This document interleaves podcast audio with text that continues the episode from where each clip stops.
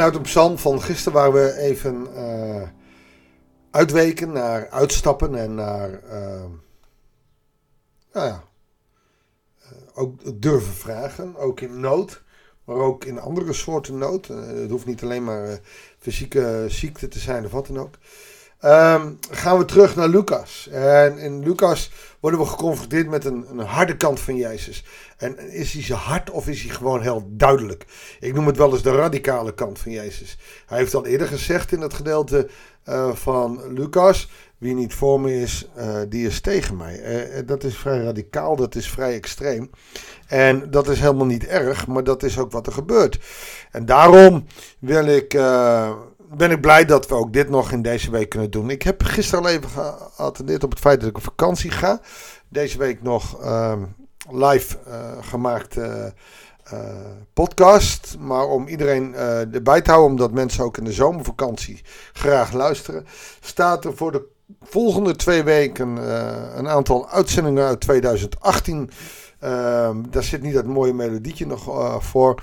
Maar daarin uh, vind je uh, gedeelte uit Marcus, ook het evangelie van Marcus. En blijf een beetje in de sfeer van de radicaliteit van Jezus. Dus ik hoop dat je daarvan kan genieten. Maar nu eerst nog uh, live en kicking vanuit 2022. Lucas 11, vanaf 37 tot en met 44. Toen hij uitgesproken was, nodigde een farisee hem uit voor de maaltijd. Eenmaal binnen ging hij meteen aanliggen. Hij heeft de fariseeën niet eens de gelegenheid gegeven om zijn voeten te wassen. Dit keer doet hij dat bewust. Toen de fariseeën dat zag, verwonderde hij zich erover dat hij zich niet eerst gewassen had voor de maaltijd. Want dat was een reinigingsritueel, maar ook, ja, het, het hoorde er helemaal bij. Het is cultuur. Maar de Heer zei tegen hem, en dan zie je dat hij meteen fel is en dat hij eigenlijk de fariseeën niet helemaal vertrouwt. Die zijn niet voor hem, die zijn tegen hem. Hij gaat wel mee uit eten. Het is geweldig hè. Hij, hij gaat bij de vijand gewoon uit eten. En dan zegt hij, ach jullie fariseeën. De buitenkant van de beker en de schotel reinigen jullie, maar jullie eigen binnenkant is vol roofzucht en slechtheid. Nou, lekker, dan ben je bij iemand uitgenodigd om te eten en dan zeg je dit.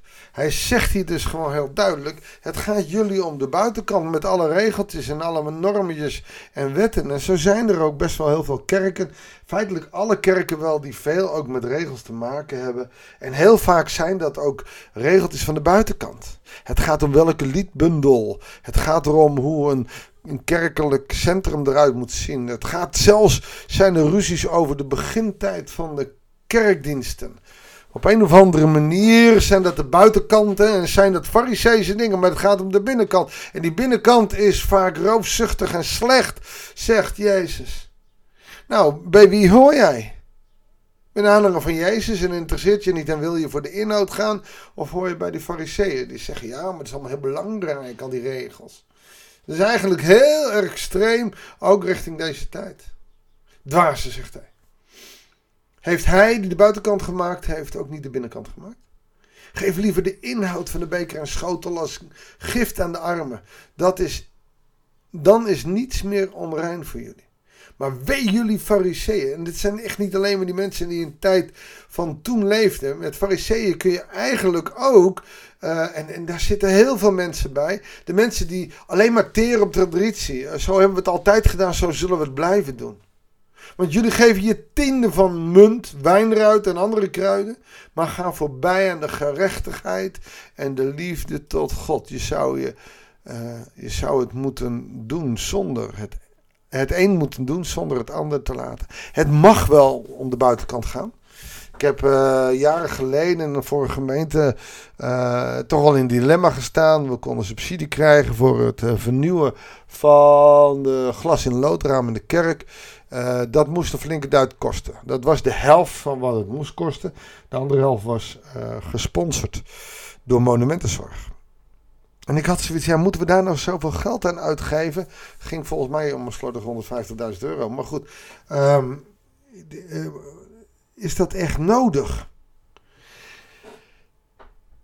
Want het is maar de buitenkant, het moet om de inhoud gaan. Nou, en je zegt Jezus ook, het mag wel om die buitenkant, die mag wel mooi zijn. Het huis van de Heer mag je best wel mooi maken. Maar het mag nooit ten koste gaan van de inhoud. Wee jullie fariseeën, mensen die alleen maar vastzitten aan de tradities en niet willen vernieuwen. Mensen die niet naar de inhoud willen kijken, maar naar de regeltjes vastzitten. Want jullie zitten graag op de ereplaats in de synagoge. Oftewel, kijk eens, wij hebben het allemaal goed voor elkaar en willen eerbiedig begroet worden op het marktplein. Wee jullie. En daar is hij heel duidelijk in.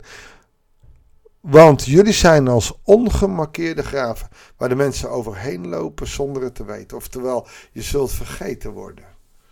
En dat is zeker voor mensen die die regeltjes zo goed bepalen uh, van heel groot belang. Heel veel kerken bestaan ook uit mensen die op een voetstuk staan. Als ze oudste worden, als ze voorgangers zijn, ze willen op een voetstuk staan. Voor mezelf weet ik dat ik dat niet wil. Dat is een gevaar, risico. En het is soms veel makkelijker om een voetstuk te staan. Maar wie op een voetstuk staat, kan er ook vanaf vallen. God moet op een voetstuk staan.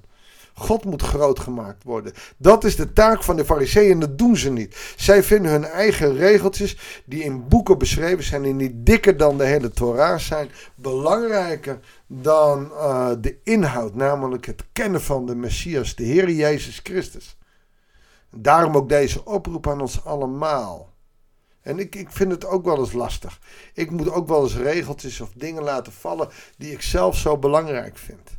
En zijn ze allemaal slecht? Nee, natuurlijk. Traditionele dingen mogen wel goed. Ik denk dat traditie Ehm, ook het fundament is onder onze kerk. Tenminste, ik ben blij dat ik in een, kerkgenootschap zit waarin we met andere kerken samenwerken en waar ook een stuk traditie ligt, waar je als fundament op kunt bouwen. Maar het mag niet meer, het fundament mag niet de regel zijn voor hoe je pand eruit komt te zien. Het is het fundament. En ik denk dat dat van immens groot belang is. En dat we veel meer moeten loslaten en dat we de, God, de geest van God moeten laten werken. Ook in de vernieuwing. En dat is best wel heel dat is best wel heel lastig. En toch denk ik dat het van immens groot belang is. Laten we daar naar gaan zoeken. Hoe we gemeente kunnen zijn in deze tijd. Zonder elkaar af te maken, zonder moeilijk te doen. Maar gewoon in de liefde van onze Heer Jezus Christus. Zullen we daar maar gewoon om bidden? Heer Jezus, we bidden nu. We bidden nu in de naam van onze Heer Jezus Christus. Leer ons om op het fundament te staan, maar ook het lef te hebben om ons door de geest te laten vernieuwen in deze tijd. Heere God, we kunnen niet blijven zoals de kerk 50 jaar geleden was. Deze tijd verandert daar te hard voor. En soms vinden oudere mensen dat moeilijk. Jonge mensen vinden het moeilijk dat de ouderen dat weer moeilijk vinden. En voordat het weet, zijn we op een fariseese manier bezig om een strijd te strijden, Heere God. En dat mag niet. Het moet gaan ter ere glorie van uw grote naam. En dat betekent niet dat we de traditie zomaar kunnen afschrijven, want er zitten zoveel mooie dingen in. Maar dat betekent ook niet dat we er roekzichtloos aan vast moeten houden. Heere God, leer ons de balans te vinden. Dat bidden we in de naam van de Heer Jezus, die ons de kracht van de geest heeft gegeven om ons te laten leiden door de geest. Heer, leer aan ons dat we geen fariseeën worden, maar dat we uw discipelen zijn en uiteindelijk ook de, de mensen die uitstappen en zich uitstrekken om het evangelie te verkondigen. Heer God, wij willen uw, uw leerlingen zijn.